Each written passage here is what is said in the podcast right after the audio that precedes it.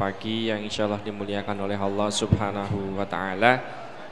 Kajian Ahad pagi edisi ke-64 pada pagi hari ini akan kita mulai. Bismillahirrahmanirrahim. warahmatullahi wabarakatuh.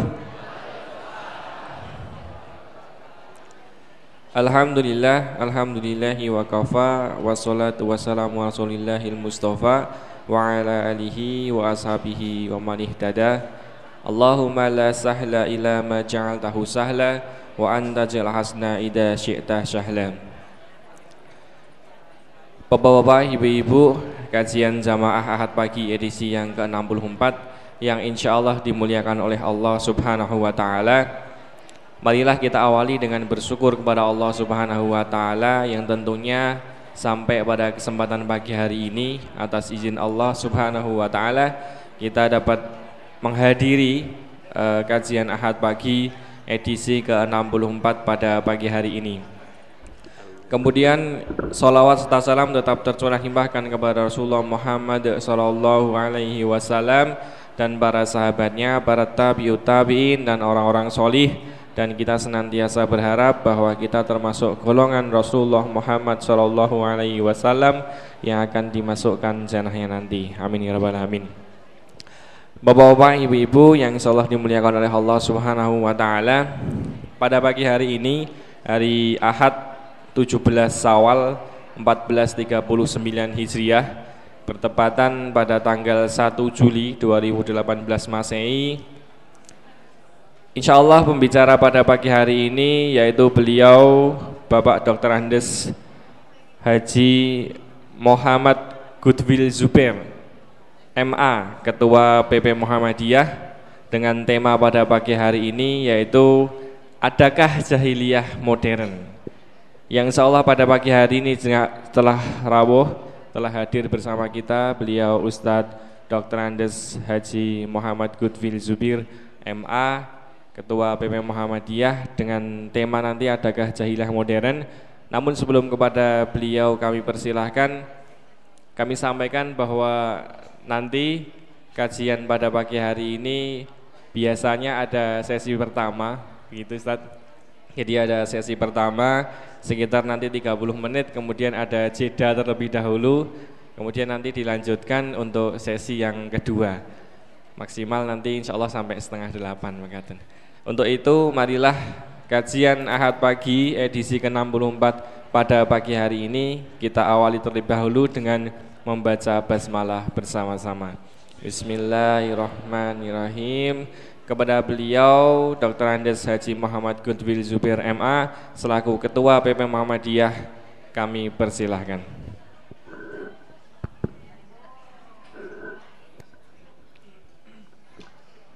Berapa anu pertama? 30 menit. Assalamualaikum warahmatullahi wabarakatuh.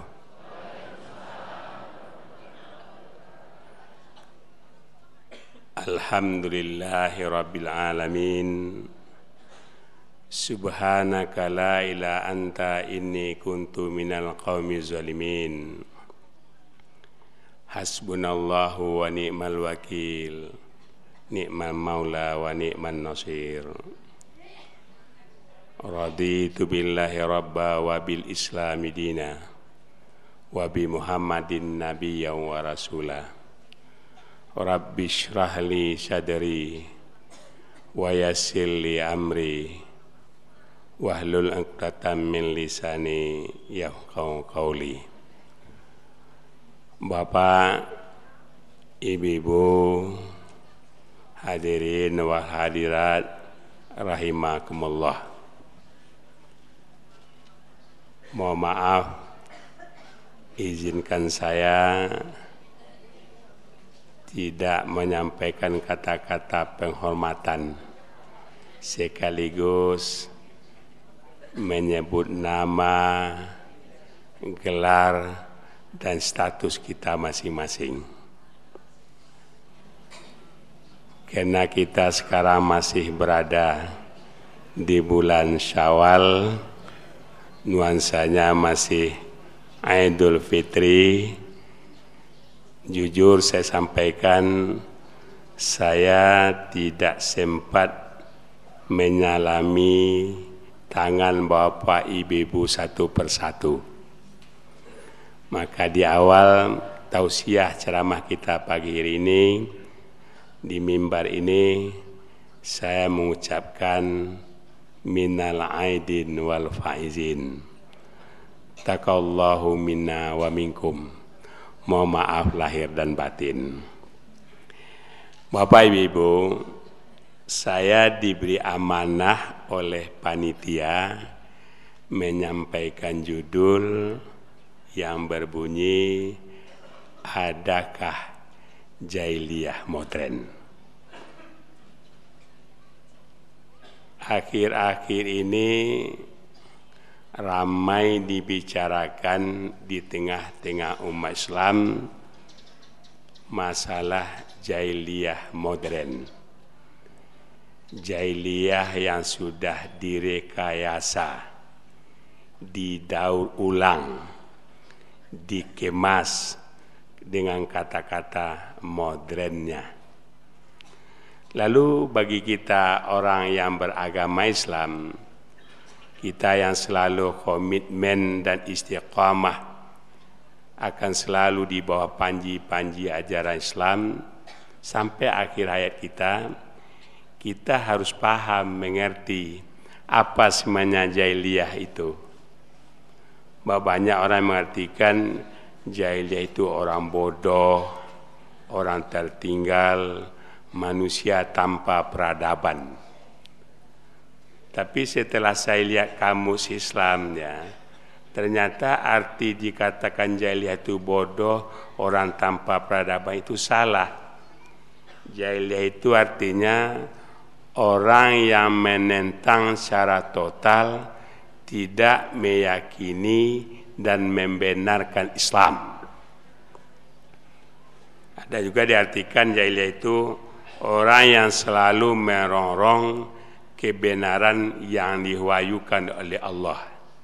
Itu jahiliyah. Saya ngajak Bapak sekalian nanti tiba di rumah selesai ceramah ini buka Al-Qur'anul Karim. Saya sudah lihat Al-Qur'an itu ke 30 juz itu. Saya lihat satu persatu di dalam Al-Qur'an ada empat kriteria tipe ciri-ciri jahiliyah itu yang sudah ditetapkan Allah. Nah, nanti pertama kita lihat nanti surat Al-Maidah ayat 50. Disebut Allah dengan kata-kata hukmul jahiliyah. Hukum jahiliyah. Ya. Ayat lengkapnya berbunyi apa hukmal jahiliyah yabghun wa man ahsanu minallah hukman liqaumi yuqinun. Artinya hukum yang berlaku di tengah-tengah masyarakat itu hukum jahiliyah.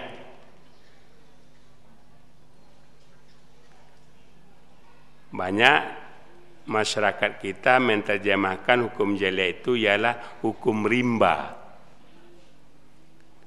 Hukum rimba itu ya siapa yang kuat itu di atas, siapa yang lemah menderita dan sengsara.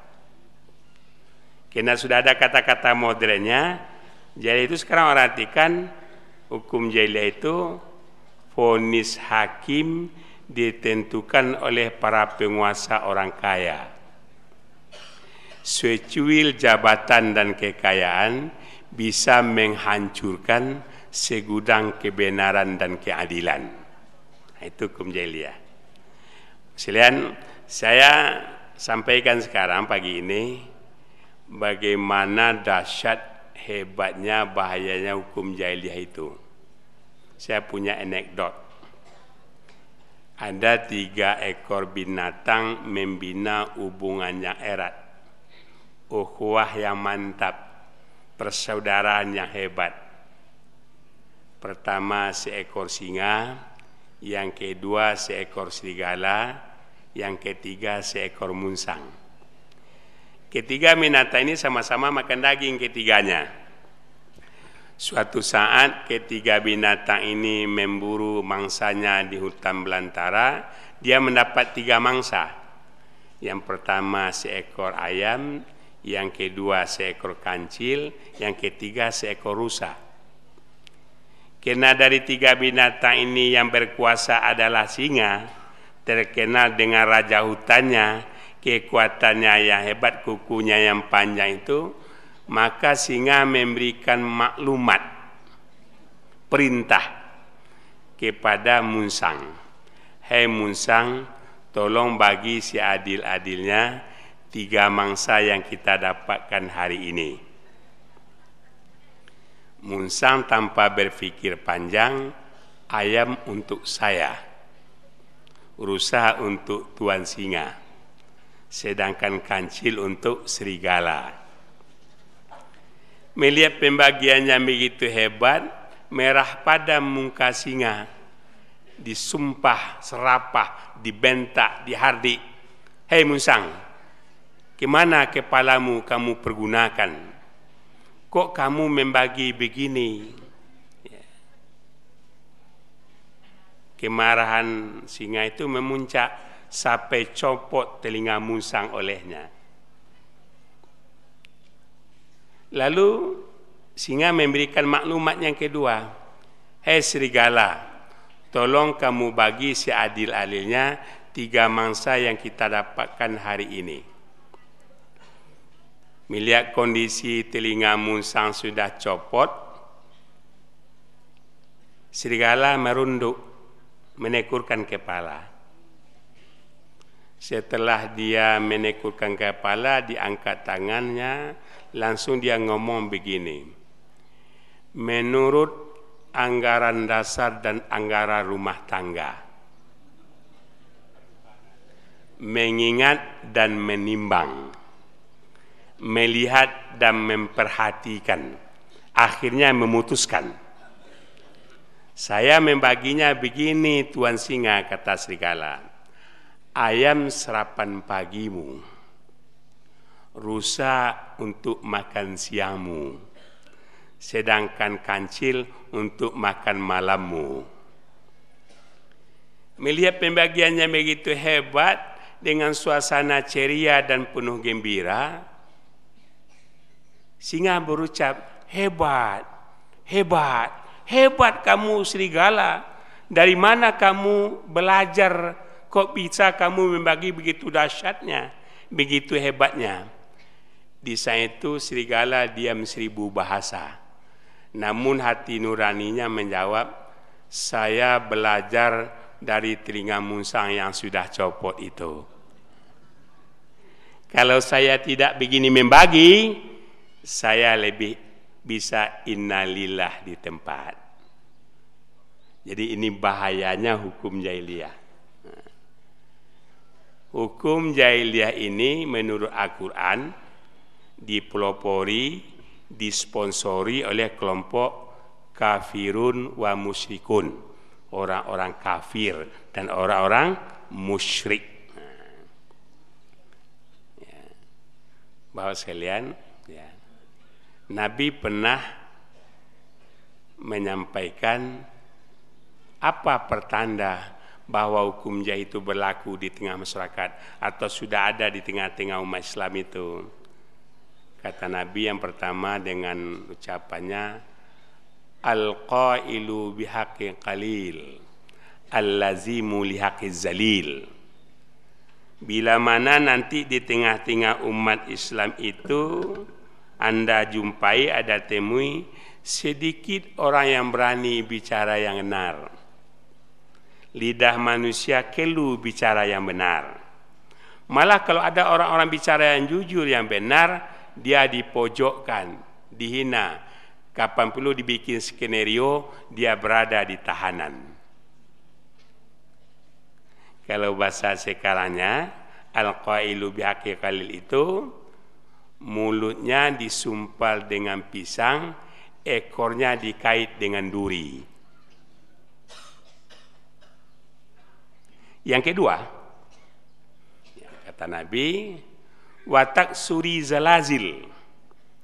Bila mana meluasnya penyelewengan. Orang melakukan penyelewengan, termasuk juga korupsi itu dianggap satu trendy, kebanggaan tersendiri. Bahasa pulgarnya, orang melakukan penyelewengan termasuk korupsi itu sudah putus urat malunya. Gak ada lagi rasa malu. Bapak sekalian, saya pernah ke Jepang. Bapak Ibu pernah ke Jepang? Nah, ini saya bawa sebentar ke Jepang ya. Jepang. Nah, ya, Jepang itu kalau ada seorang public figure, seorang tokoh pemimpin penjabat di Jepang dikerumuni wartawan, dipanggil polisi, diintegrasi jasa, atau dihadapkan ke meja hijau, disangka dia melakukan penyelewengan, korupsi. Apa yang dilakukan oleh pemimpin penjabat Jepang ini? Langsung dia menundukkan kepala menekurkan kepala. Kalau dia tidak bisa sempat menekurkan kepala, dia putar badannya, dia lari pontang panting. Kalau juga tidak bisa kena banyak wartawan, diangkat tangannya, tutup wajahnya dengan tangan. Kenapa dia lakukan itu? Begitu malunya seorang public figure tokoh Jepang kalau melakukan penyelewengan. Ya. Malah kalau ketua majlis hakim sudah mengetokkan palu, ternyata dia melakukan korupsi, langsung dia bunuh diri. Penjabat pemimpin yang di dunia ini, negara-negara dunia, yang banyak bunuh diri itu adalah di Jepang. Itu makanya Jepang sekarang sudah beri satu lembaga namanya Lembaga Yayasan Penyelamat Bunuh Diri. Itu malunya seorang tokoh di Jepang kalau melakukan penyelewengan. Lalu kalau saya bawa ke negara saya, negara bapak ibu-ibu juga, seorang pemimpin public figure tokoh di Indonesia dipanggil polisi, diintegrasi jasa, dikurumuni wartawan, atau dihadapkan ke meja hijau, disangka dia melakukan korupsi penyelamat itu. Pernahkah bapak ibu-ibu melihat dia menekurkan kepala? dia putar badannya, dia lari pontang panting. Atau angkat tangannya, tutup wajahnya dengan tangan. Benar Bapak Ibu lihat? Mau saya lihat, sampai hari ini, sampai detik ini, saya berada di mimbar yang terhormat ini, ya, saya belum pernah melihat. Malah sudah pakai baju oranye itu, baju seragam, kata orang sekarang baju pasantren, Ya. Malah dia melambaikan tangan kepada rakyatnya. Seolah-olah perbuatannya itu terendi. Bangga dia. Sudah putus urat malunya.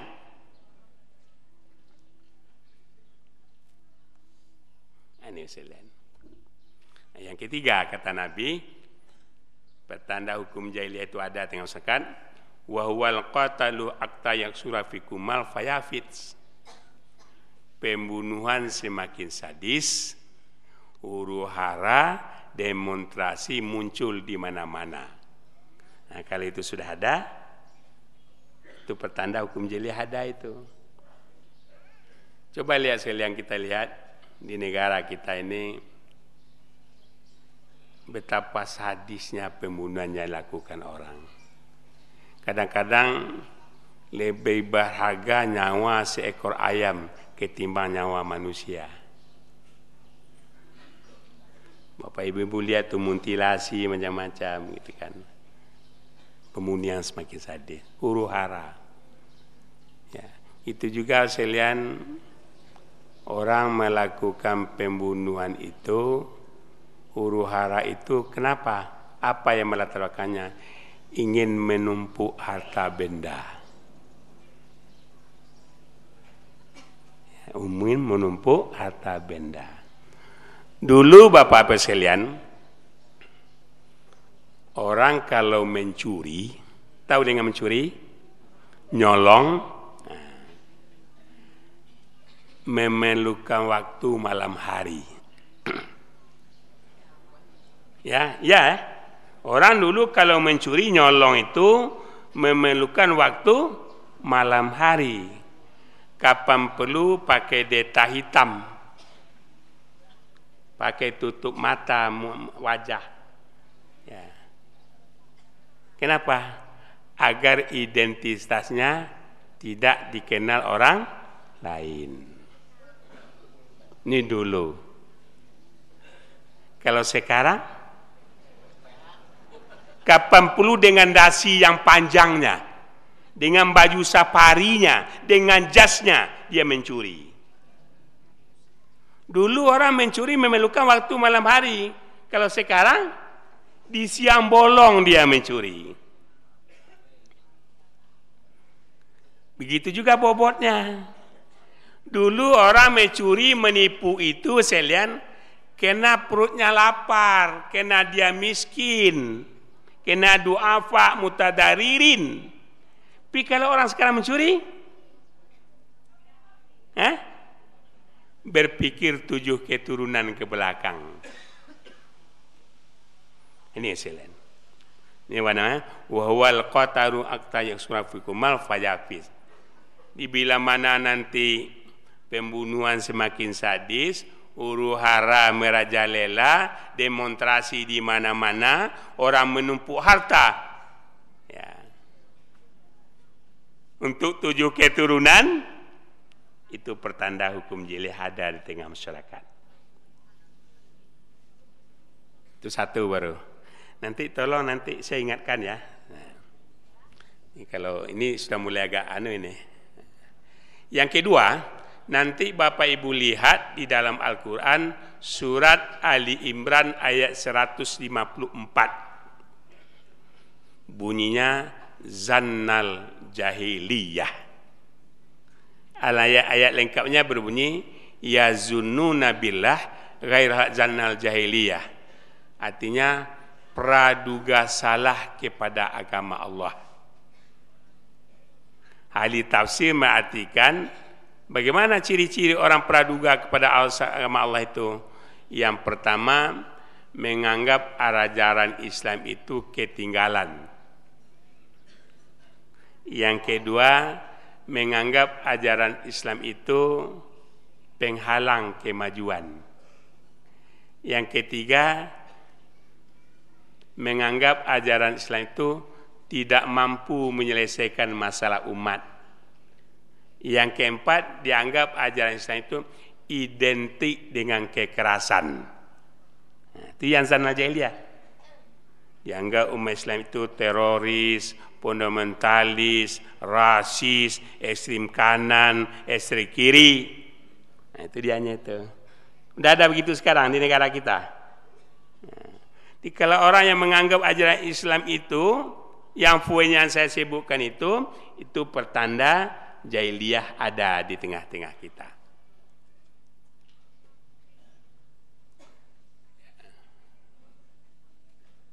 Zanal Jahiliyah ini menurut Al-Quran difolofori oleh kelompok fasikun wa munafikun. Dilihat Al-Quran itu. Orang-orang fasik dan orang-orang munafik. Nah, ini pelopornya. Ini komandannya. Ini yang membackup-nya. Nabi pernah berkomentar. Apa pertanda Zanal itu ada di tengah-tengah masyarakat. Nabi sebut dengan kata-kata wa alimu munafik takhrujul fitan wa fihim ta'uda. Bila mana di tengah-tengah umat Islam itu, di tengah-tengah masyarakat itu, para profesornya, para doktornya, para cendikiawannya, para intelektualnya, para ulamanya sudah munafik. Kalau intelektualnya, cendikiawannya itu, bagaimana munafiknya? Mengeluarkan statement-statement pokok-pokok pikiran yang membingungkan orang lain. Kalau ulama mengeluarkan fatwa-fatwa yang fatwanya itu sudahlah dirinya sesat lagi menyesatkan orang lain. Nah, ini dia.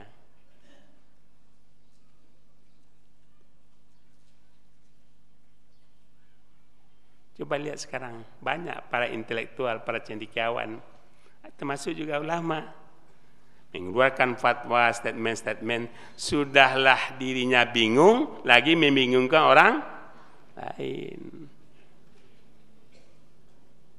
Untuk apa saya lihat? Kerjanya cuma untuk popularitas ya. sebenarnya saya lihat tidak mudah, tidak sulit kalau kita mau populer itu. Tidak harus mengeluarkan statement pokok pikir apalagi fatwa yang sesat lagi menyesatkan orang lain saya sampaikan bumbunya dua saja sekarang. Kalau kita ingin populer, ingin cepat sekarang, ya, tidak perlu menggunakan testament, fatwa-fatwa yang misalkan. Yang pertama, kalau cepat ingin tenar kita, apa saya lihat? Gila. Ya, kalau gila cepat tenarnya itu. Apalagi intelektual, cendekiawan kan? Nah, yang kedua sekalian berbuat bertindak tanduk bertentangan dengan hati nurani. Apalagi dengan Al-Qur'an, dengan ajaran Islam. Itu cepat populernya itu. Perbuatannya, tindak tanduknya, tingkah lakunya, pil perangannya bertentangan dengan akal sehat orang. Nah, itu cepat populer itu. Banyak sekarang Pak intelektual cendekiawan dia mempropagandakan dirinya. Dialah pembawa obor kemenangan Islam. Dengan jasanya lah Islam tersebar ke seluruh pelosok dunia. Tapi tindak tanduknya pir perangainya sudahlah dirinya sesat lagi menyesatkan orang lain.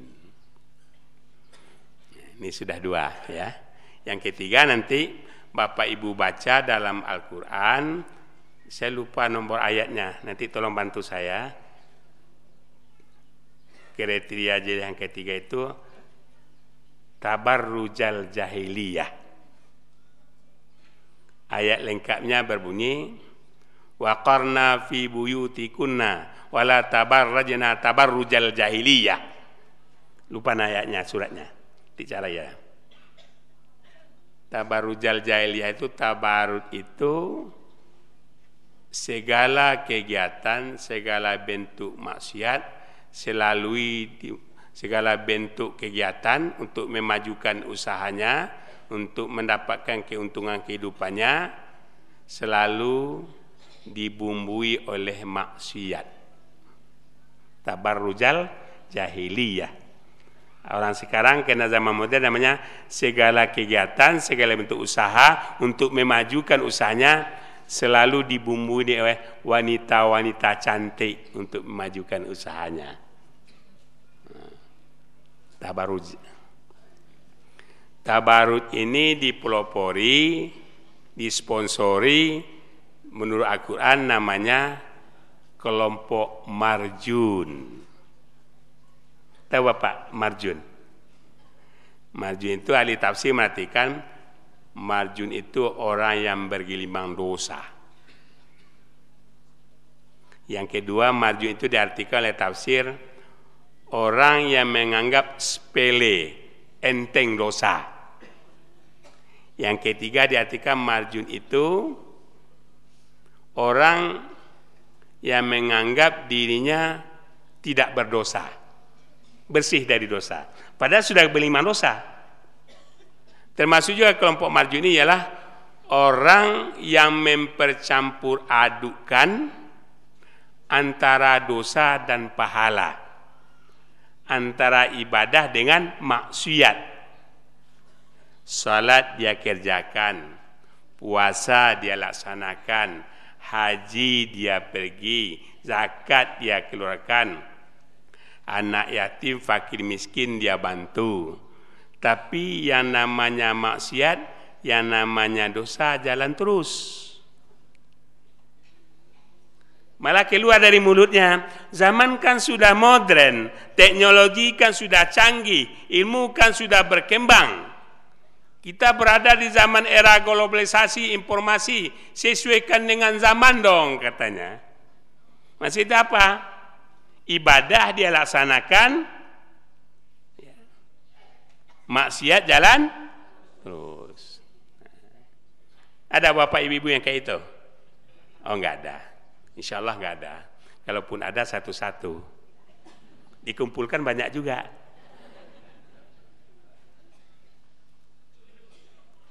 Kalian, ini namanya tabar rujal jahiliyah. Saya contohkan sekarang.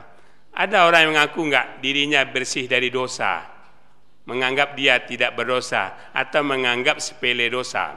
Saya contoh misalnya di waktu Profesor Dr. Almarhum Buya Hamka masih hidup, tahu dengan Buya Hamka, ulama besar itu. Beliau tinggal di Jakarta, itu namanya Al Azhar, ya. karena masjid ada komplek Azhar. Begitu selesai sholat subuh, datang seorang wanita menghadap beliau wanita. Orang mengatakan bahwa wanita ini ikut bersama Buya salat di dalam masjid. Tapi ada juga mengatakan dia nunggu Buya sampai Buya selesai salat subuh. Ya. Selesai salat subuh Buya datang wanita ini langsung menghadap Buya itu membawa sebuah goni. Tahu dengan goni? Karung. Dia ngomong, Buya, saya menghadapi masalah yang hebat, problem yang dahsyat. Saya bingung, batin saya sekarang merana, jiwa saya tersiksa, pikiran saya kacau balau. Ada satu problem yang tidak bisa saya jawab, Buya. Masalah ini saya datang kepada Buya. Begini Buya, sebelum saya menantakan pertanyaan, saya ini mulai dari meningkat dewasa, kerja saya melayani laki-laki hidung belang. Apa itu? Pelacur. WTS, wanita tuna susila. Sekarang namanya PSK. Nah, dimodernkan lagi ini. Ya. Jadi mulai saya meningkat dewasa kerja saya sibuk melayani laki-laki hidung belang. Profesi saya sebagai PSK, pelacur. Yang lebih hebat lagi Bu ya, semenjak saya meningkat dewasa itu seluruh yang diperintah Allah tidak pernah saya kerjakan. Yang dilarang Allah, hobi saya melaksanakannya. Sekarang saya bawa goni kepada Buya, bawa karung. Maksud saya Buya, tolong masukkan ke dalam goni ini, dalam karung yang saya bawa ini, sudah berapa banyak dosa yang sudah saya kerjakan. Sudah penuh goni ini apa belum? Bisa Bapak Ibu itu? Eh? Bisa itu? Buya tolong masukkan ke dalam goni ini, ke dalam karung yang saya bawa ini, sudah berapa banyak dosa yang saya kerjakan.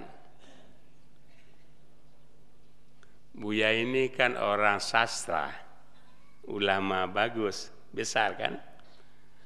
Buya tanpa panjang komentar, beliau pergi ke bawah rumah beliau itu beliau ambil tiga buah batu ya, batunya tidak besar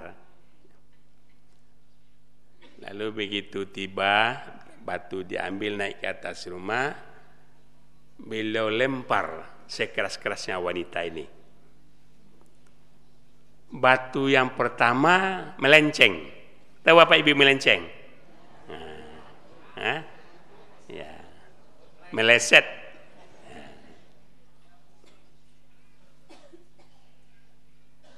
Batu yang kedua juga tidak kena.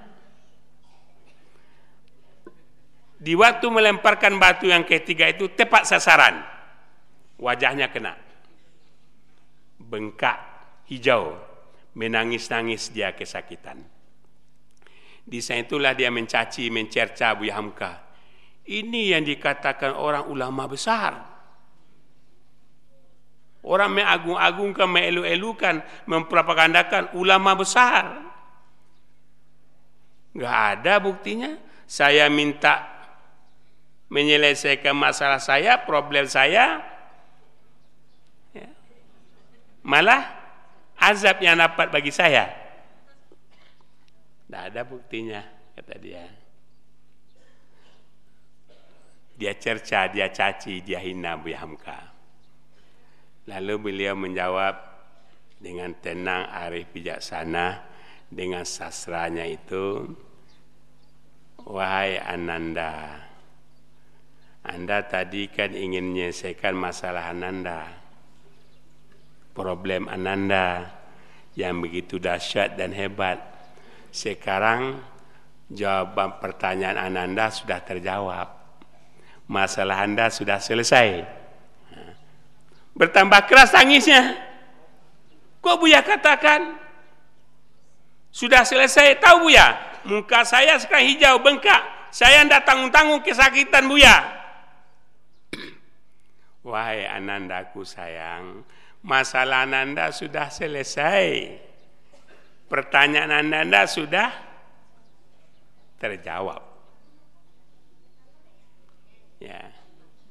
Bertambah hebat dia menghina, mencaci Bianca. Sampai Buya itu ngomong yang ketiga kali, Ananda, sabarlah. Tenang Nanda. Singkirkan emosimu nak bunuh emosinya mana masalahmu sudah selesai mendengar kata-kata Buya yang ketiga suruh sabar tahan emosinya itu lalu dia pelan kok Buya katakan sudah masalah saya sudah terjawab masalah saya sudah selesai begini kata Buya Hamka Ananda kan bawa karung bawa goni ke depan Buya Ayah Buya minta tolong kepada anda sekali ini saja.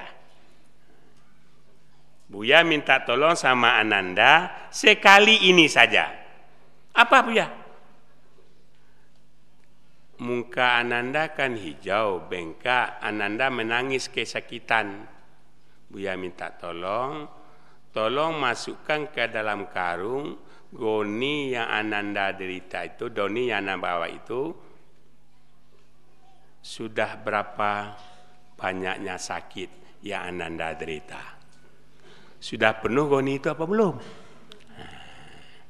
Jadi, tolong masukkan ke dalam goni karung yang Ananda bawa itu, kata Bianca, tentang sakit yang Ananda derita. Sudah penuh goni itu apa belum?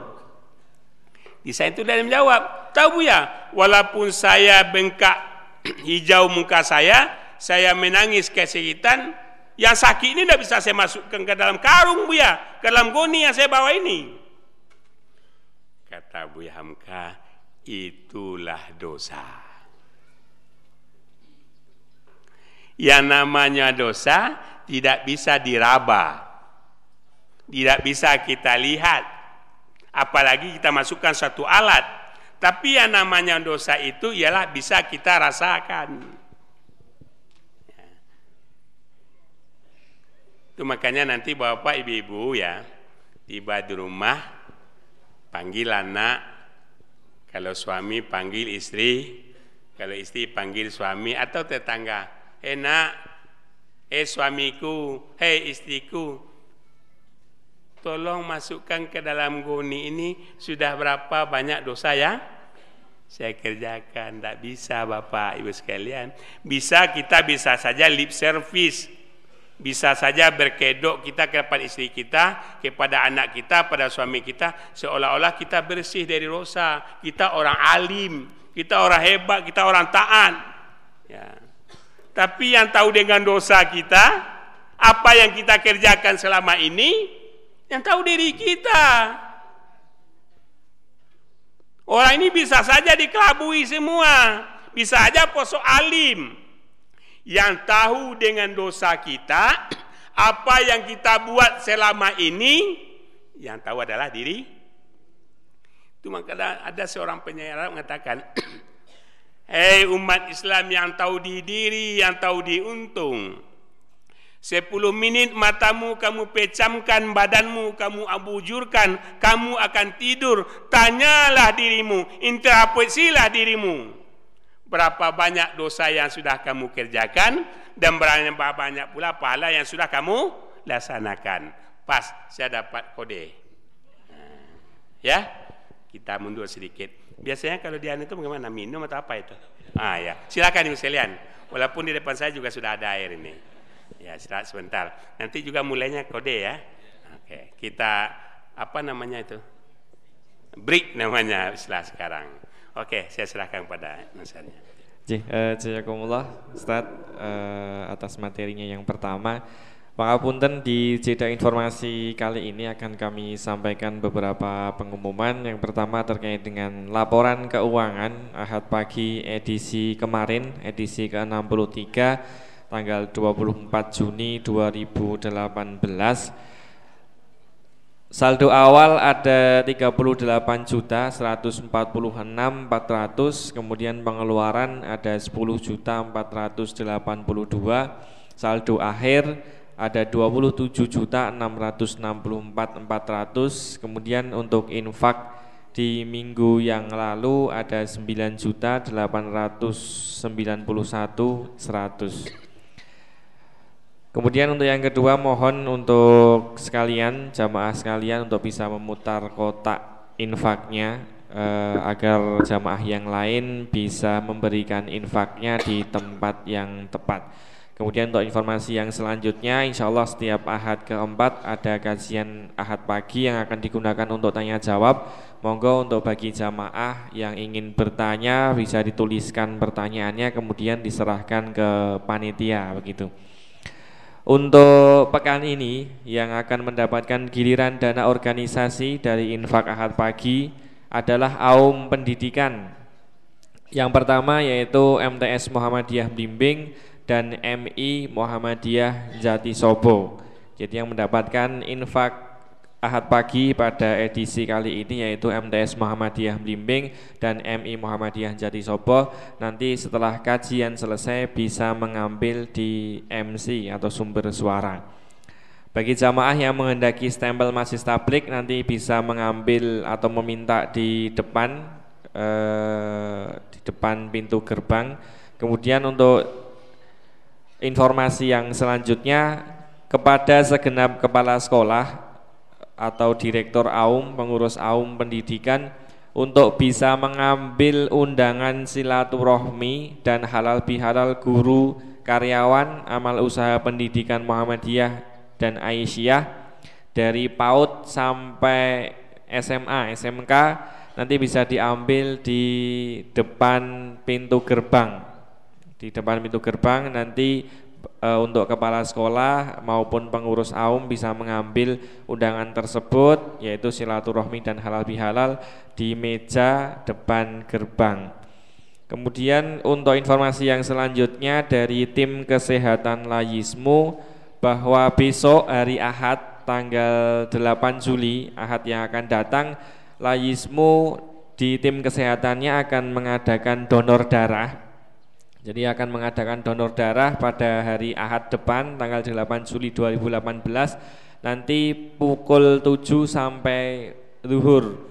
Bagi bapak-bapak, ibu-ibu, mas-mas, mbak-mbak semuanya yang ingin berdonor darah mulai hari ini nanti bisa mendaftar dulu kemudian disiapkan gisinya nanti ahad depan darahnya diambil. Nanti untuk tempatnya di Setan Layismu di uh, rumah uh, utara Masjid Pondok Pesantren Imam Suwodo. Monggo nanti yang kerso untuk donor darah bisa mendaftar mulai hari ini di Setan Layismu. Untuk informasi yang terakhir yaitu pengajian Ahad pagi edisi ke-65 Ahad 8 Juli Ahad depan yaitu pembicaranya Ibu Diah Puspitarini MPD Beliau Ketua Umum Pimpinan Pusat Nasihatul Aisyah. Untuk tema besok yaitu kekerasan terhadap perempuan dan anak menurut Islam. Kira-kira demikian untuk informasi pada edisi Ahad pagi ke-64 pada pagi hari ini. Untuk yang selanjutnya kami serahkan kepada beliau Ustadz Dr. Andes Haji Muhammad Gudfil Zubir MA untuk melanjutkan kajian Ahad pagi maksimal nanti sampai setengah delapan untuk yang selanjutnya wadal saw panggilan kalau aturakan semoga baik sekalian kita cabut kembali.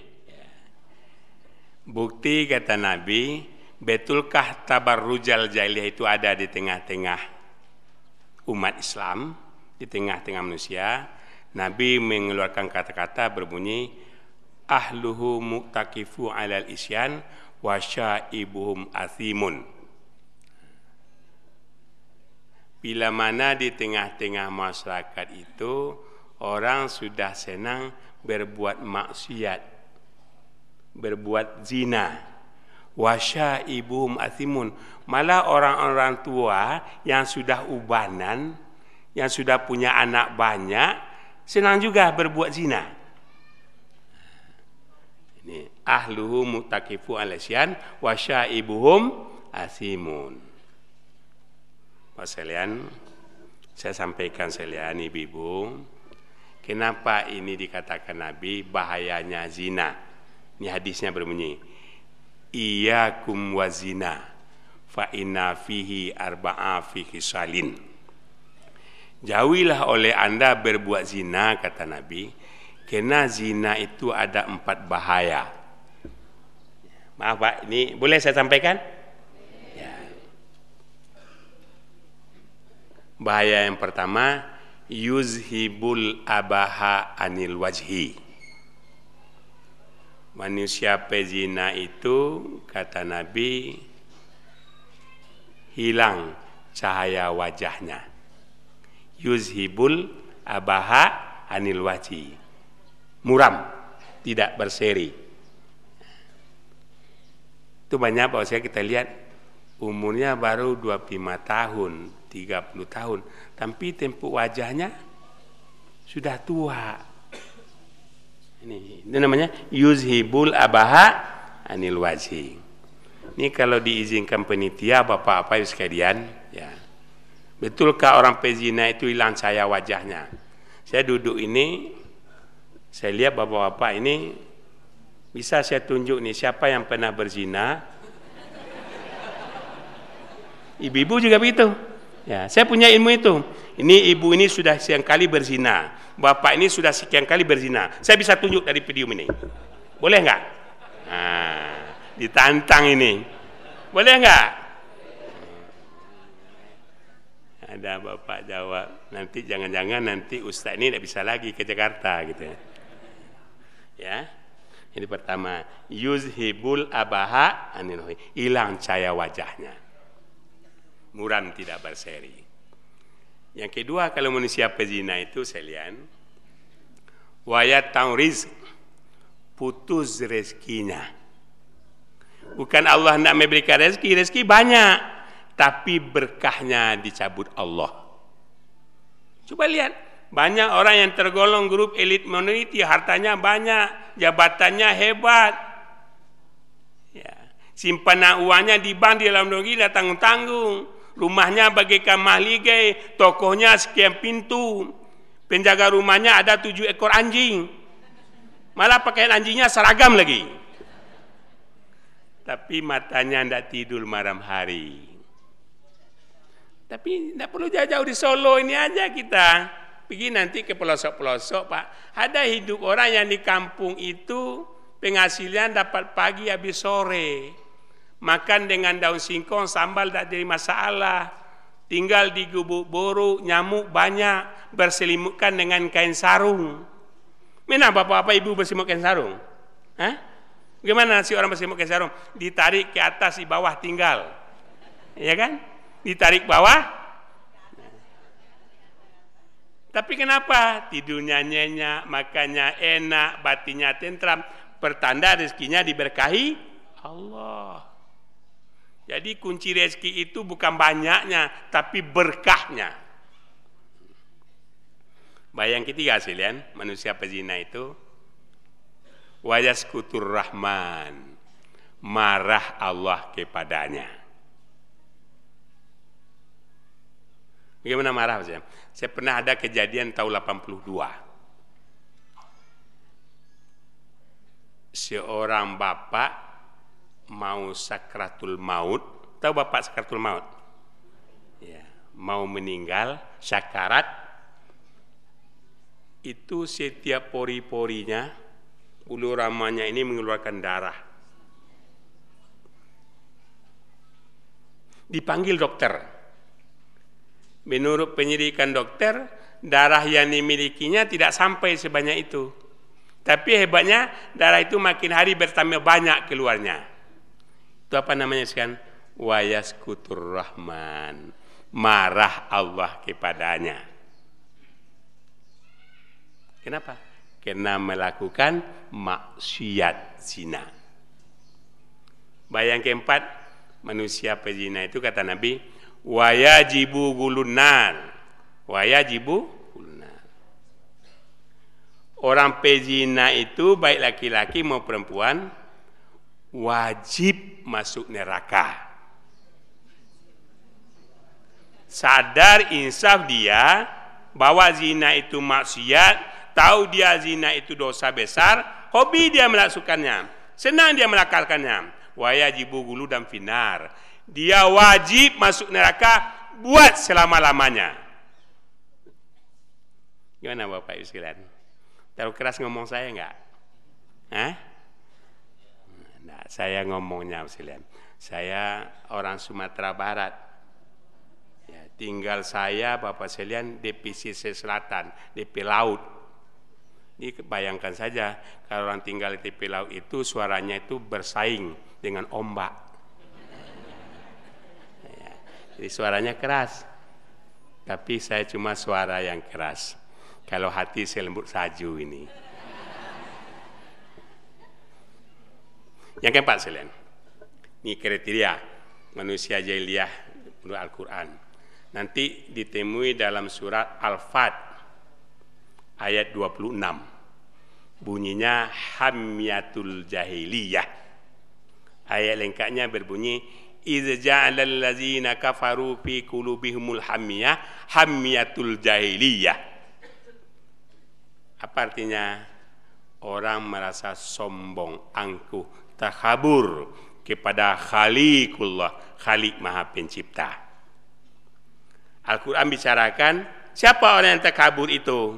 Inilah kelompok yang disebut oleh Allah mulhidun, mulhid. Kalau kita terjemah bebas, kalau tafsir bebas, mulhid itu artinya kelompok spilis. Tahu spilis? Kalau menurut kedokteran, kesehatan, spilis itu penyakit kelamin. Tapi kalau menurut ajaran Islam, sipilis itu adalah penyakit yang merorong, yang memperandakan akidah ibadah umat. Sipilis itu kalau dipanjangkan sekuler, plural, liberal. Ini sekarang tren sekarang nih Pak Silian. Tren banyak orang sekarang sekalian Majelis Ulama pernah memfatwakan yang namanya sekuler, plural, liberal itu ajarannya, keyakinannya adalah haram. Kenapa? Ini sambil lalu aja saya ngomong ini. Sekuler itu prinsip ajarannya ialah memisahkan agama dengan dunia agama jalan sendiri, dunia diurus sendiri pula. Orang hidup di dunia ini tidak perlu dengan agama. manusia sudah bisa menentukan baik buruknya satu pekerjaan, perbuatan. Saya masih ingat, pernah Bapak Ibu mendengar dulu namanya tokoh Kemal Atatur. Turki. Ya. Pendiri negara Turki itu. Kemal Atatur itu pernah menggunakan kata-kata, ini bahasa Solonya begini. Doctrine the basic of morality they shall be non-religious. Bahasa Solo itu. Tahu artinya? Pisahkan agama dengan dunia. Agama jalan sendiri, dunia diurus sendiri pula. Sehingga waktu itu perbuatannya apa Kemal Tatur itu? Madrasah-madrasah sekolah-sekolah agama dihancurkan orang-orang Turki yang mau salat, yang mau sembahyang, bacaan bahasa salatnya itu harus bahasa Turki. Ini waktu Kemal Tatur berkuasa ini. Padahal kita selalu berdoa apa bunyinya? Rabbana atina fid dunya hasanah wa fil akhirati hasanah wa qina. Ada lagi. I'mal li dunyaka ka'annaka ta'isyu abada wa'mal li akhiratika wala tamutu khada. Jadi mencapai akhirat itu ya dunia. Jadi kalau ada orang yang memisahkan dunia dengan akhirat, ada dengan agama, itu sekuler itu. Tapi sekarang udah bagus Pak, sama Toyib ini, beragam berkuasa, sekarang orang orang kembali. Dulu banyak masjid-masjid sana tempat wisata. Sekarang orang semua berbondong-bondong, pakai jilbab. Malah orang-orang tentara, polisinya itu ke masjid kalau tidak sholat berjemaah dinikan. Malah ini biasa sekarang tahfiz, rumah tahfiz terbesar, termewah, termegah di dunia sekarang adanya di Turki. Sekuler ya. Nanti saya tidak sungguh lagi Turki, saya lihat. Nanti saya khawatir nanti menyebarkan yang lain ya. Bapak sekalian, kalau nanti suatu saat nanti kalau beri saya kesempatan lagi ceramah nanti saya akan bicara bagaimana dunia Islam. Saya hampir semua negara di dunia sudah saya kunjungi. Bagaimana Muslim? Tapi nanti lain ya. Ini sekuler. Yang kedua, pilih itu plural. Pernah ibu-ibu mendengar plural? Kenapa kok plural itu diharamkan oleh majelis ulama? Karena keyakinan pula itu menyatakan semua agama itu sama. Semua penganut agama masuk surga. Malah ada kata-katanya yang lebih hebat-hebat lagi, tidak boleh satu kelompok agama atau ulama-ulamanya, tokoh-tokohnya menyampaikan kepada umatnya jemaahnya bahwa agamanya lah yang paling benar. Ini plural ini. Ada yang lebih hebat lagi. Dia kata-katanya orang lain. Semua penganut agama masuk surga. Tergantung kepada banyak perbuatannya sesama manusia. Ini Mas. Saya sampaikan ini. Saya tanya Bapak Ibu, Ibu kalau menurut keyakinan Bapak Ibu bagaimana betul agama itu sama? Hah? Al-Quran bicara Inna dina indallahil Islam agama ila ke Allah Islam. Wa may yabtaghi ghairal Islam dinu falan yuqbala minhu wa huwa fil akhirati minal wasyirin. Siapa yang mengambil agama selain Islam, Allah akan tolak total. Termasuk dia yang merugi di akhirat kelak. Kalau ada bapak, ibu, guru, tokoh yang menyampaikan pada anaknya, pada didiknya bahwa agama itu sama, itu pertanda menanamkan benih tauhid yang tidak baik kepada anaknya. Tadi yang mengatakan bahwa seluruh penganut agama itu masuk surga. Ini menurut tauhid ini sekalian, menurut tauhid kita, akidah kita, diwakafkan diberikan seluruh harta benda kita, keperlu nyawa kita untuk kepentingan orang lain. Dia bangun masjid ribuan, panti asuhan, anak yatim dia mantu tapi bila mana dia tidak berakidah kan bertauhid Islam, itu adalah nilainya nol di hadapan Allah. Yang ketiga liberal. Tahu Bapak Ibu dengan liberal? Kenapa diharamkan? Karena keyakinan liberal itu apabila berhadapan akal pikiran dengan wahyu Allah demi kepentingan orang ramai masyarakat banyak tinggalkan Al-Quran dahulukan akal pikiran. Lebih dasar daripada pendapat mutazilah. Kalau mutazilah mendabarkan Al-Quran berdasarkan rayu pikiran. Tapi kalau kelompok liberal ini berhadapan akal pikiran wahyu Allah tinggalkan Al-Quran dahulukan akal pikiran. Banyak kelompoknya sekarang. Apa kata-katanya? Tidak percaya dengan hukum Allah.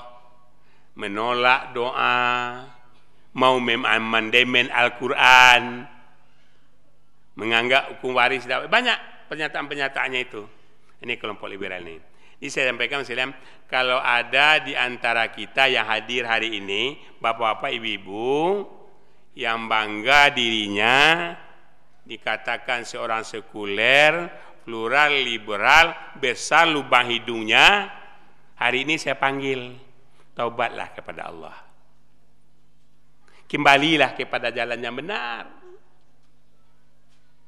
Banyak sekarang, apalagi yang terlalu muda, ya orang-orang yang baru masuk mau besar, mau hebat, ya bangga dia dikatakan seorang sekuler, plural, lebar. Saya sampaikan di Solo ini. Kembalilah kepadanya, taubatlah kepada Allah. Sebelum nyawamu disabut Allah. Ada perbuatan yang sekalian. Orang sekuler plural ini, liberal ini, kalau dia berbuat itu Bapak sekalian, apa pun yang dia lakukannya, amal pun sekalipun, dia hanya berbuat semata-mata bukan untuk kepentingan lillah Allah lillahi ta'ala ikhlas tapi dia untuk bargaining. Tahu Bapak Ibu dengan bargaining? Pernyataan-pernyataan sekarang yang keluar itu bargaining apa tuh Pak kalau orang politik menyatakan bargaining itu nilai tawar. Untuk mengangkat nilai tawarnya. Jadi bukan ikhlas. Nah, ini misalnya. Kalau waktu mengizinkan ini saya sampaikan ini. Bagaimana bahayanya kalau orang beramal, berbuat ibadah itu, berbuat kepada manusia itu hanya niatnya bergaining. Ini contoh ya. Seorang anak datang kepada ibunya membawa secari kertas, sebuah pulpen. Begitu dia ketemu dengan ibunya, ibu, Tadi saya di sekolah Bu terima rapor. Nilai saya bagus. Saya dapat ranking pertama. Juara satu. Ya sebagai hadiahnya ibu kasih saya uang 250 ribu.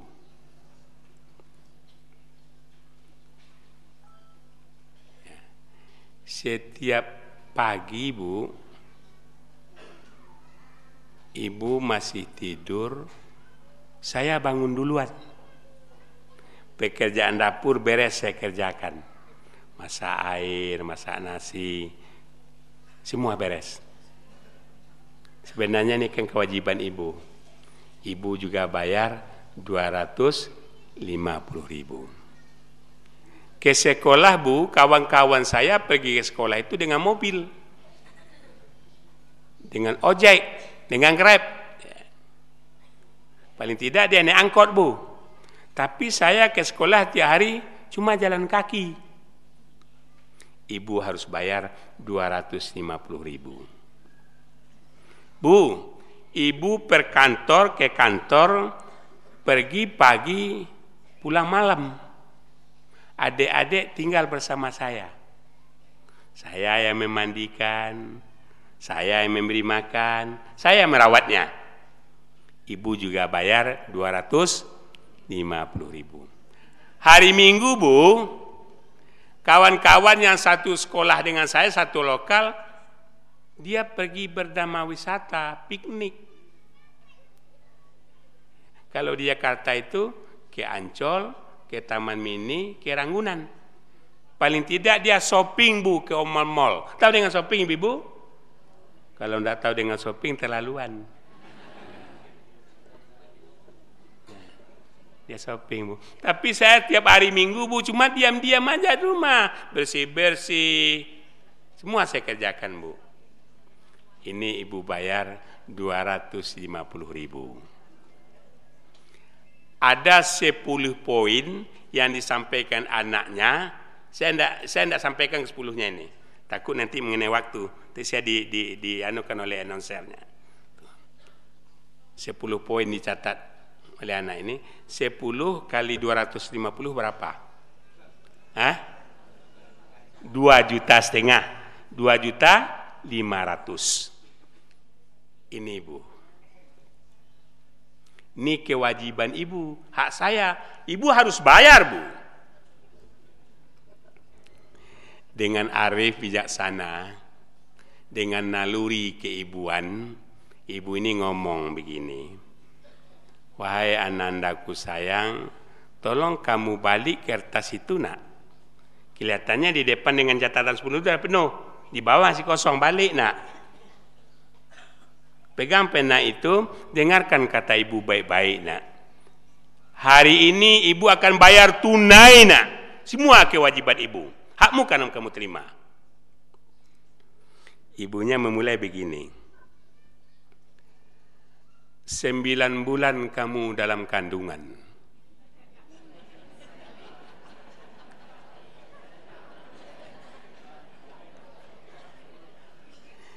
Selama itu pula nak, ibu bawa kamu ke mana ibu pergi. Siang malam hujan panas terik matahari, keringat dingin ibu bercucuran nak Ibu tidak pernah mengeluh. Ibu tidak pernah minta imbalan. Ibu tidak pernah menyesal, nak. Malam hari datang, ibu coba berbaring, memejamkan mata.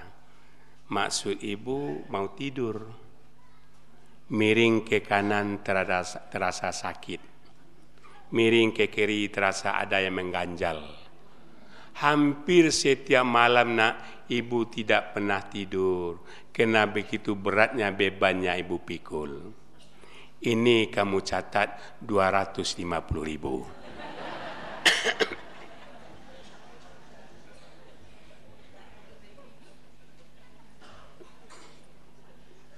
di waktu melahirkan ini bersabung nyawa nak berkuahkan darah banyak ibu-ibu yang mau melahirkan itu nak mentalnya down, amruk. Dia takut. Langsung dia innalillah wa inna ilaihi rajiun. Tapi bagi ibu nak, ibu singkirkan, ibu bunuh rasa takut ibu. Alhamdulillah kamu lahir dengan selamat. Ini kamu catat 250 ribu.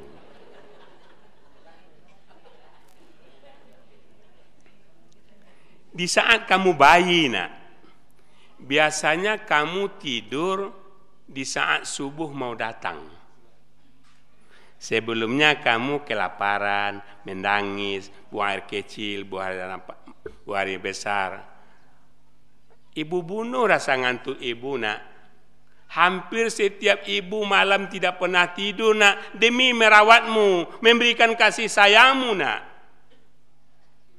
ini juga kamu catat 250 ribu.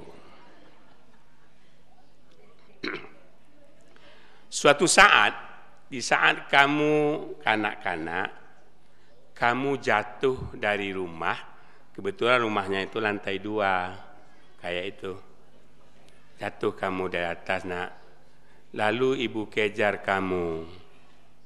Ibu lihat kamu berlumuran darah bermandikan darah. Ibu angkat, ibu gendong kamu nak, ibu pergi ke rumah sakit temui dokter. Setelah temu dengan dokter, kata dokter, kamu koma. Kamu pingsan 15 hari lamanya. Lalu ibu tatap wajahmu dalam-dalam Ibu belai rambutmu, ibu cium kenimu. Di saat itulah nak jantung ibu rasanya mau copot. Rasanya kamu mau meninggal dunia. Ibu berdoa, "Ya Allah ya Tuhan, jangan Engkau cabut nyawa anakku Allah." Daripada engkau mencabut nyawa anakku Allah, cabut saja nyawaku Allah sebagai penggantinya. Aku belum reda Allah. Ibu pertaruhkan nyawa ibu nak asal kamu sehat. Ini kamu catat 250 ribu.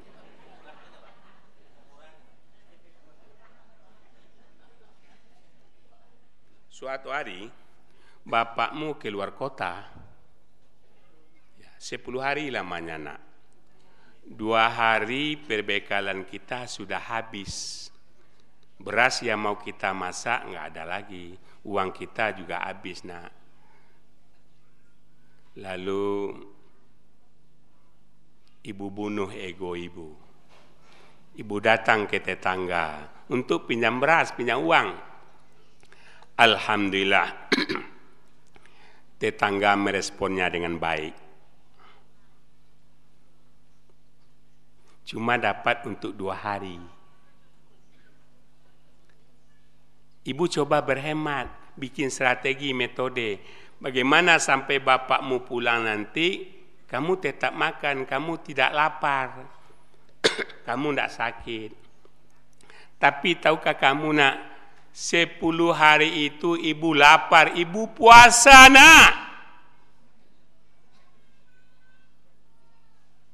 Ini juga kamu catat 250 ribu. Maaf sekalian, ada sepuluh kata-kata ibunya. Saya tidak sampaikan sepuluhnya. Khawatir kalau saya sampaikan ke sepuluhnya nanti kita menangis bersama. Bagi berjemaah. 10 kali 250 berapa? 2 juta setengah kan? Balen ya? Tapi ada yang saya catat kata-kata ibu ini muslimin. Yang perlu kita ketahui. Ibunya ngucap begini. Wahai anandaku sayang. Ibu berjanji nak dengan diri ibu Abu ibu bersumpah kena Allah. Wallah, billah, tallah. Selagi nyawa ibu masih di badan, selagi ibu masih hidup nak, ibu akan selalu memberikan kasih sayang kepadamu nak. Ibu tidak akan pernah meminta kembali apa yang sudah ibu berikan kepadamu. Di sana itulah ibu-ibu, bapak, anaknya berlari-lari, ya, menjerit, Ibu, ibu, ibu. Berlunangkan air mata, bermandikan air mata. Aku tidak benci ibu. Aku tidak bermaksud melukai perasaan hati ibu. Aku sayang ibu. Maafkan aku ibu. Ini aku lakukan ibu hanya semata-mata untuk bergaining bu. Kalau orang melakukan suatu ibadah pekerjaan hanya untuk bergaining, ini bahayanya sekalian. Sudah habis waktunya? Berapa lagi? Nah, lima menit. Kalau saya teruskan bicara tentang anak, paling tidak waktunya seperempat jam. Kalau saya berhenti sekarang, waktunya lima menit. Gimana? Kompromi dulu. Kompromi dulu. Ya, terus aja ini. Mau saya berhenti dengan waktu 5 menit tinggal atau saya teruskan tapi tanpa 10 menit paling kurang. Boleh? Sekali-sekali datang. Saya nanti ibu-ibu tiba di rumah bawa oleh-oleh. Bu, Bapak, saya sampaikan ibu-ibu Bapak hati-hati dengan anak, dengan keluarga. Ibu-ibu punya anak enggak? Bapak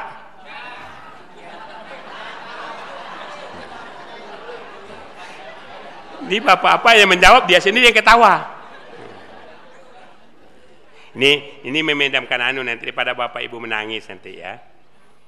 Pak ibu, ini saya sampaikan ibu-ibu bapak yang punya anak nanti tolong tiba di rumah di dalam Al-Quran itu ada empat macam anak. Nanti anak saya yang mana? Ya, nanti tiba di rumah, cek anak itu empat macam dalam Al-Quran. Nanti anak saya yang mana? yang pertama anak dalam Al-Quran namanya Kurratun Ayun.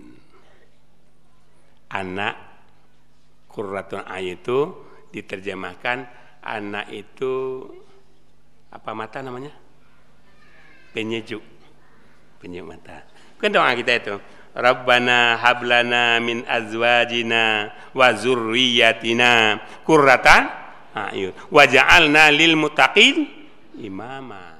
Penyejuk. Ada juga Nabi katakan wa waladun salihun janula anak saleh. Ada juga Nabi menyebut kata-kata al waladu samaratul qalbi. Anak itu pautan jiwa, harapan dunia wal akhirat. Qurratun ayun. Yang kedua, qurratun zinatul hayah.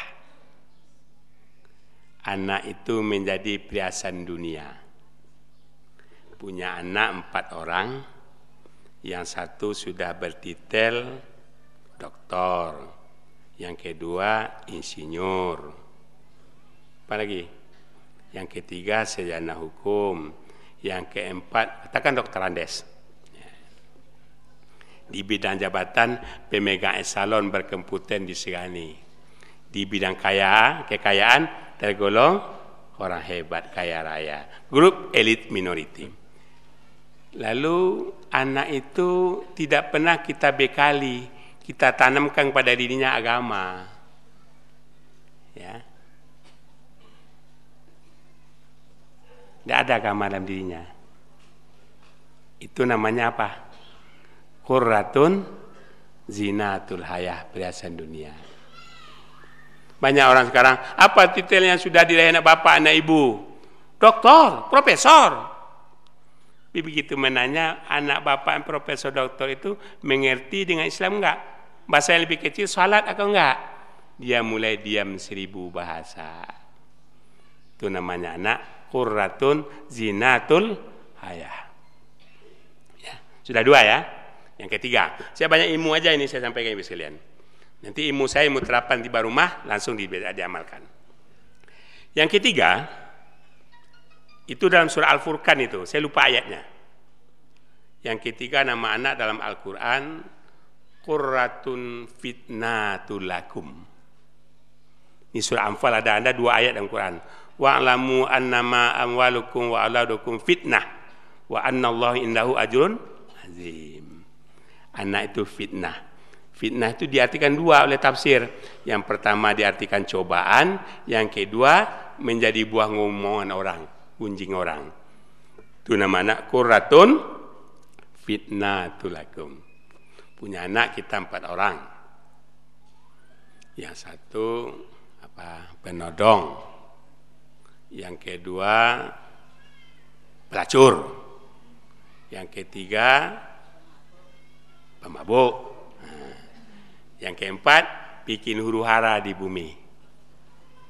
Itu ditanya orang atau fitnah itu laku menjadi ngomong orang. Pak, kalau anak kita berhasil jadi gubernur, jadi menteri, anggota DPR, jadi camat, wali kota, jadi presiden, siapa yang ditanya orang? Apa ngomong orang? Siapa bapaknya? Siapa? Ibunya.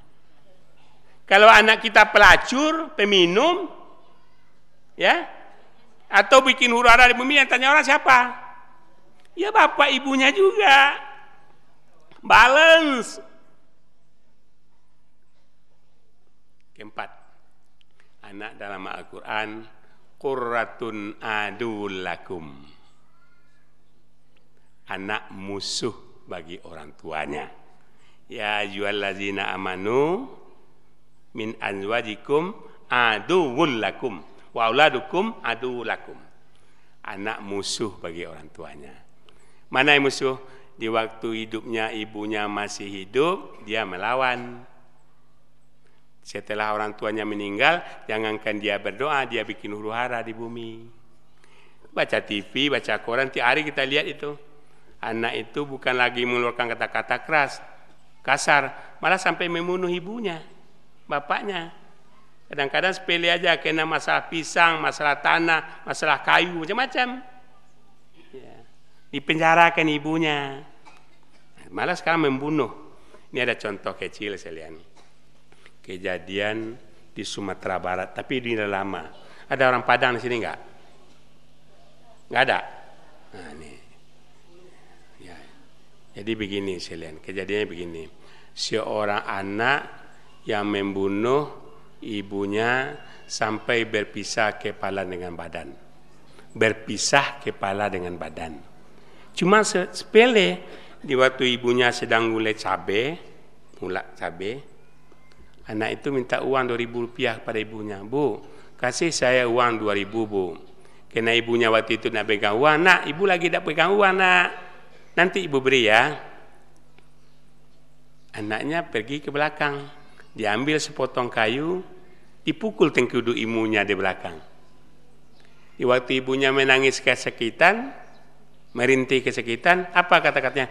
Tanggung-tanggung basah, percuma ibu hidup. Rupanya dia juga bawa celurit. Tahu dengan celurit? Dihantam tengkudunya, berpisah kepala dengan badan. Setelah berpisah kepala dengan badan, ibu dibawa ke bawah rumput pisang, ditimbun dengan rumput yang kering. Konon kabarnya anak ini sempat pula meminum darah orang tuanya. Nanti baca soal An'am ayat 153. Wa anna haza sirati mustaqima fattabi'u wa la tattabi'u subula fatafarraqa bikum an sabili. Zalikum wasakum bih la'alakum tattaqun. Kata Allah, inilah agama yang benar, jalan yang lurus, Islam. Selagi Anda berpegang teguh dengan agama ini, saya jamin, kata Allah, Anda selamat dunia akhirat. Tapi apabila Anda jauh dari agama ini, otomatis Anda akan jauh dari Allah. Demikianlah kami wasiatkan kepadamu agar kamu menjadi manusia yang terpelihara.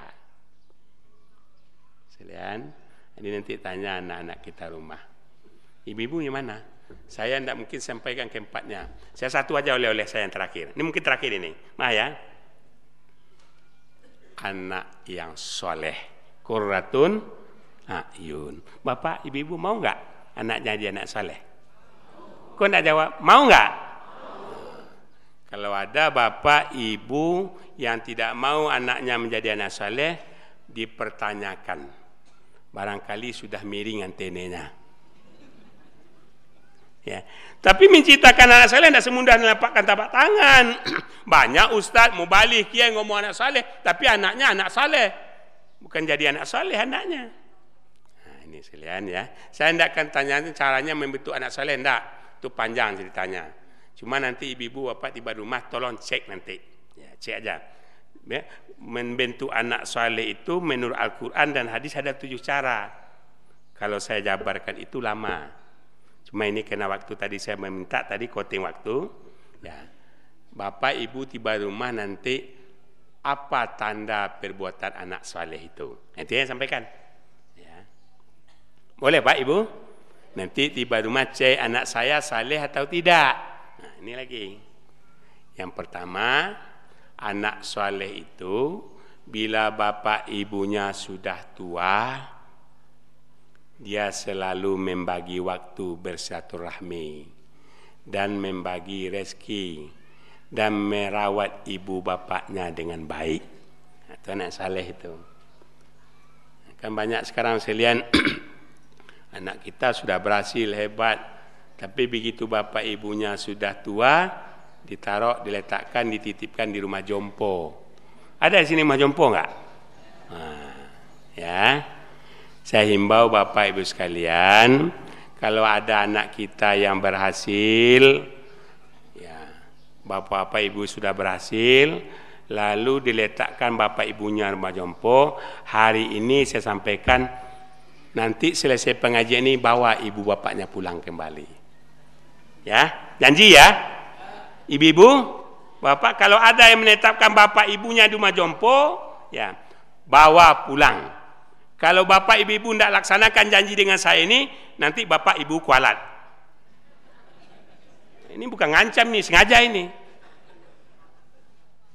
Tahu gak Bapak Ibu sekalian? Ya. Tahu Bapak Ibu sekalian? Itulah pahala yang paling hebat merawat orang tuamu di waktu sudah tua. Kamu beri makan tiap hari, kamu berikan pakaian dia tiap hari, kamu gendong dia tiap hari, kamu cebokkan tiap hari, kata Nabi, belum terbalas jasa bapak ibumu. Ini saya lihat. Long ya. Tiba di rumah, kalau ada yang menitikan bapaknya, ibunya rumah jompo, bawa pulang, rawat dengan baik. Berbuat anak soleh apa lagi? Ya. Kalau bapak ibunya sudah meninggal dunia, di samping dia berdoa, kan ada doanya tuh. Rabbana waghfir lana wali walidaina warhamhuma kama rabbayani shaghira. Doa, kemudian juga di saat bapak ibunya meninggal dunia itu penyelenggaraan jenazah harus anaknya. Disuruh anak memandikan, mengapani ke kuburan termasuk sholat.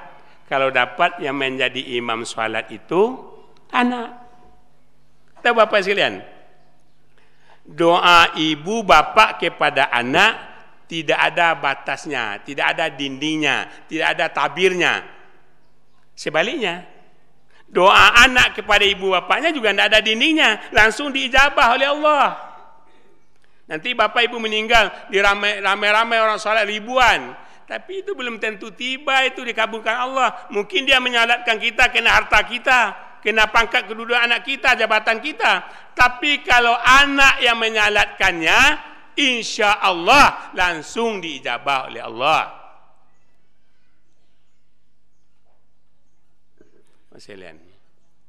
Ini ada cerita menarik nih. Anaknya doktor S3. Hartanya banyak, jabatannya hebat. Kata orang sekarang tergolong grup elit minority.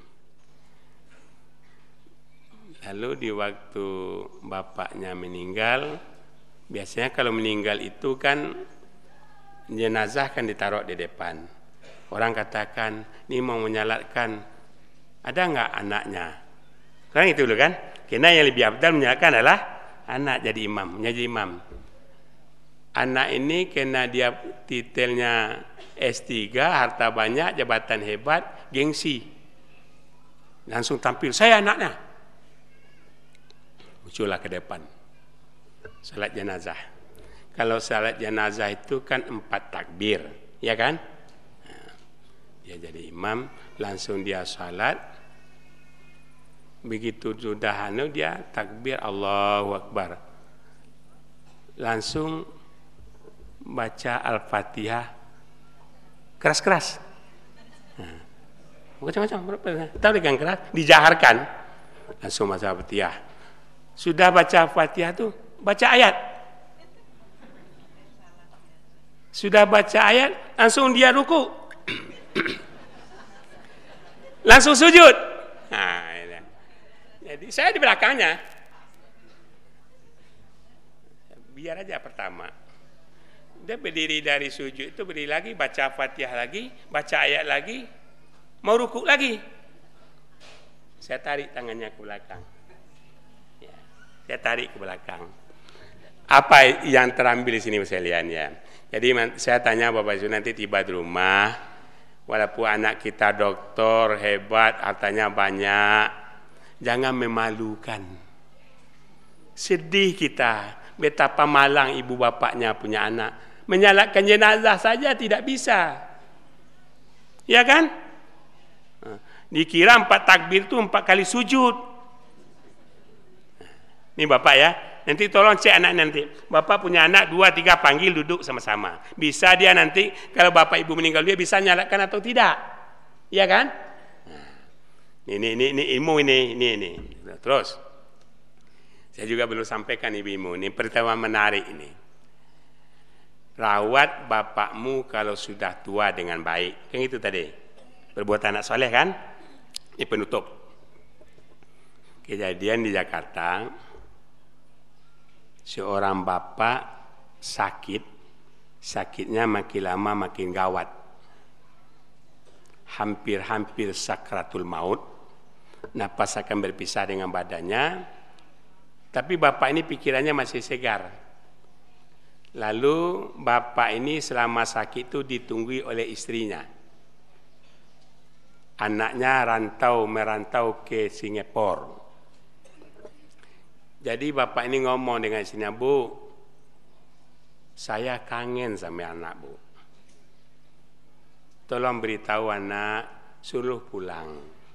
Mana tahu nanti anak pulang ketemu dengan wajahnya, ini obat bagi saya, saya sembuh. Atau mungkin juga suruh anak pulang, anak pulang nanti mana tahu ini pertemuan terakhir bagi saya. Ini kata bapaknya. Mendengar kata bapak itu suaminya begitu, yang ibunya istri ini langsung di SMS anaknya. Tidak ada jawaban di WA. Ibu-ibu bapak bisa WA enggak? Di WA. WA juga tidak jawab. Langsung dia telepon. Telepon dia jawab, nak bapakmu sakit bapakmu kangen denganmu. Pulanglah nak, mana tahu itu menjadi obat bagi bapakmu. Atau kalau tidak nanti kalau kamu pulang mana tahu nanti umur bapakmu pendek, pertemuan terakhir. Apa jawab anaknya? Bu, bisnis saya sedang hebat bu. Kalau saya pulang selama di kampung sama Jakarta, saya bisa rugi antara 2 sampai 3 miliar. Sudah hebat si bisnis saya, Bu. Jadi begini aja lah, Bu. Bawa aja Bapak ke rumah sakit. Begitu dengan kata anaknya disampaikan oleh ibunya ini, oleh istrinya ini. Pak, jauh anak saya kita begini. Katanya bisnisnya luar biasa. Dia bisa rugi begini. Tidak bisa pulang temui Bapak Begitu mendengar kata istrinya begitu, bapak langsung qaid. Tahu qaid? Bahasa Solo itu enggak? Enggak ya? Innalillah wa inna ilaihi meninggal dunia. Bapak sudah meninggal dianukan lagi. Ya, ditelepon lagi anak. Nak, bapakmu sudah meninggal. Bagaimana? Pulanglah kamu nak. Selenggarakanlah jenazah bapakmu dengan baik. Lebih afdal nak kalau anak yang selenggarakan. Mulai memandikan, mengapani kalau imam salat juga. Bu, kedua kali saya ngomong bu, saya tidak bisa pulang. Bini saya sudah anunya. Ya, gini aja jalan keluarnya bu. Nanti di Jakarta cari ustadz yang terhebat mubalih terhebat, dai kiai yang terhebat. Nanti mengurus bapak jenazahnya saya tanggung dia nanti honornya sembilan kali lipat. Saya tidak sempat tibu bapak sekarang. Saya bisnis bu. Ini sekalian.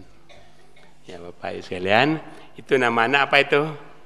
Kurratun zinatul hayah perhiasan dunia. Jadi tiba rumah Bapak Ibu, Ibu nanti introspeksi, tanya diri kita, anak kita yang mana? Bisa menyalakan kita juga nanti kalau kita meninggal atau tidak? Ya, itu aja Bapak sekalian ya. Nah, itu itu aja ceramah kita. Ada Bapak-bapak Ibu-ibu yang tersinggung dengan ngomong saya enggak? Nah, jujur ya, ada yang tersinggung dengan ngomong ceramah saya enggak? Kalau ada yang tersinggung, ketahuilah Bapak Ibu-ibu jauh lebih baik daripada saya lagi. Justru itu maafkan saya. Assalamualaikum warahmatullahi wabarakatuh. Assalamualaikum Jazakumullah khairan kasiran kepada Ustadz Dr. Andes Haji Muhammad Goodwill Zubir MA, Ketua Umum BP Muhammadiyah pada kajian Ahad pagi edisi kali ini mudah-mudahan ilmu bermanfaat buat kita semuanya dan kita mampu menerapkan di kehidupan sehari-hari. Sekali lagi sebelum kami akhiri mengingatkan untuk tim kesehatan Layismu Ahad depan akan mengadakan donor darah. Monggo